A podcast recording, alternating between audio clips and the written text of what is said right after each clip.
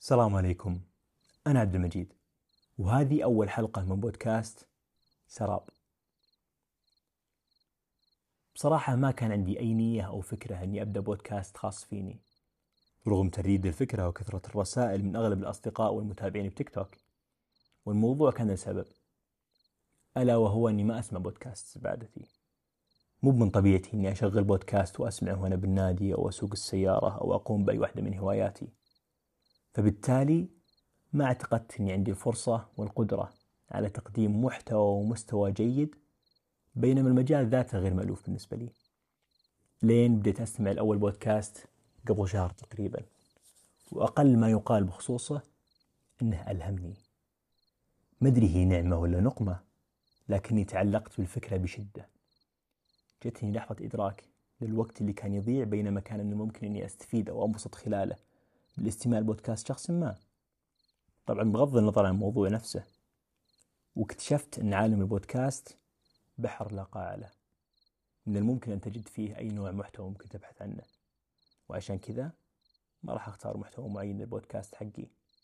أتوقع أن نتكلم عن خرابيط كثير ما لها علاقة ببعض ولا أتوقع أن حصرها فكرة جيدة. وقد تكون الحلقة هذه تتصف بنوع من الشاعرية إلى حد ما لكن ما أعتقد أن الأمر سيستمر كذا. أما بالنسبة للاسم فالأمر هو أني منذ الصغر لطالما أعجبت بالحالمين والساعين خلف أحلامهم. صح لطالما ذب علي أبوي بعد إني زي الشاب اللي بطاش مطاش كل شوي ناقز على أبوه مرة يقول أبي يصير طيار مرة غواص مرة مطرب. لكني لطالما اعتقدت في سن مراهقتي أن حياة واحدة ما تكفي. وشلون في ناس طفشانة بحياتها؟ وشلون في ناس ما عندها شيء تسويه بلا شغف؟ ولا طموح ولا فضول بالحياة.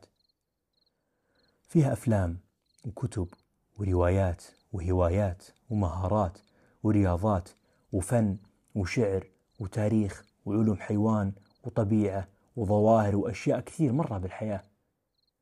إذا فكرت شوي بس ودي أصير طيار ودي أصير بحار ودي أصير دكتور ودي أصير مهندس ودي أصير نحال ودي أصير خيال ودي أصير فنان ودي أصير شاعر ودي أصير كاتب ودي أصير أديب ودي أصير مبرمج وطباخ وخباز وميكانيكي وممثل ومصمم وعالم وباحث وكل شيء.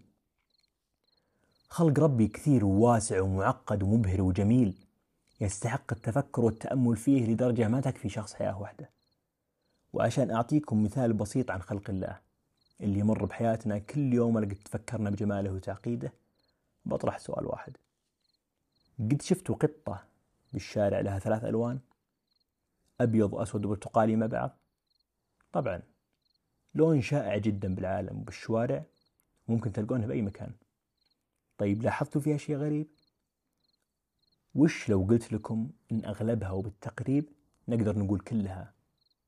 إناث. قطط الكاليكو الذكور ما تولد إلا كقط واحد من بين ثلاث آلاف أنثى وجوده يحصل كطفرة جينية لا أكثر مما يجعله فرد قيم جدا. عاملي العيادات البيطرية بالعالم الغربي ممكن يعملون حياتهم كلها وتمر عليهم عشرات الآلاف من القطط خلال حياتهم المهنية دون أن يمر عليهم كلك ذكر واحد لدرجة أنهم يسمونه وحيد القرن بعالم القطط أو The Unicorn of Cats.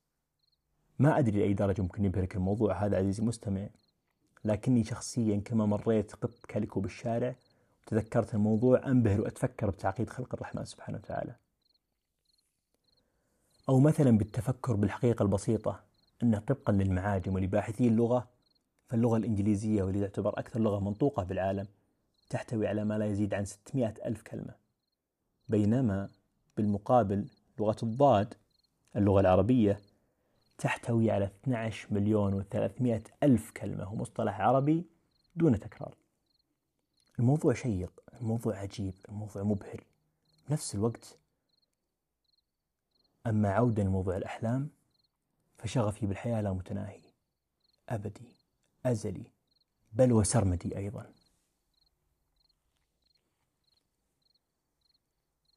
فقد كان كالسراب ذلك الحلم الذي لطالما وصلنا مطاردته نحن الحالمون. بلا كلل ولا ملل ولا جدوى حتى الآن. لطالما أخبرنا الجميع بأنه مزيف وبأن الوصول له مستحيل. لطالما ردد أبوي ناصحا عبارة وأنا أبوك ترى اللي يأكل بالثنتين يغص فلطالما رددت بعدها أني باكل بالثمان مو بالثنتين بس أني أبى أسعى خلف رؤيتي وما تخبرني به عيناي فالسراب هو غاية ونجاة التائه العطشان الوحيدة في الصحراء. المنطق والعلم والتاريخ يقولون لنا أن الواحة والماء اللي يشوفه الشخص بحارة الصحراء القاحلة عبارة عن سراب خدعة زيف كذبة بصرية. فبالأول والأخير السراب ليس إلا ظاهرة فيزيائية تحدث نتيجة مرور الضوء من الهواء البارد عبر حدود حادة إلى جو أكثر دفئا. من المستحيل الوصول له مهما مشيت. لكن وش لو؟ وش لو كان فيه فعلا بركة ماء؟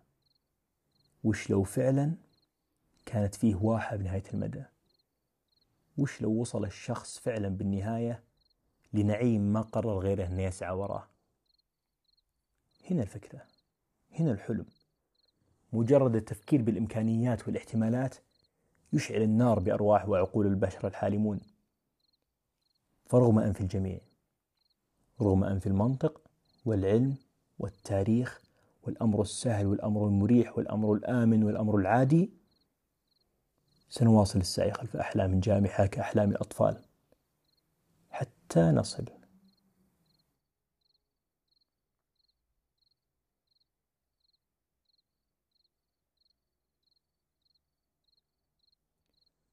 وبكذا وصلنا لختام أول حلقة. تعتبر حلقة تعريفية من نوع ما ولا أقدر أقول إلا استروا ما واجهته لكن ترقبوا الحلقات القادمة من بودكاست سراب في أمان الله.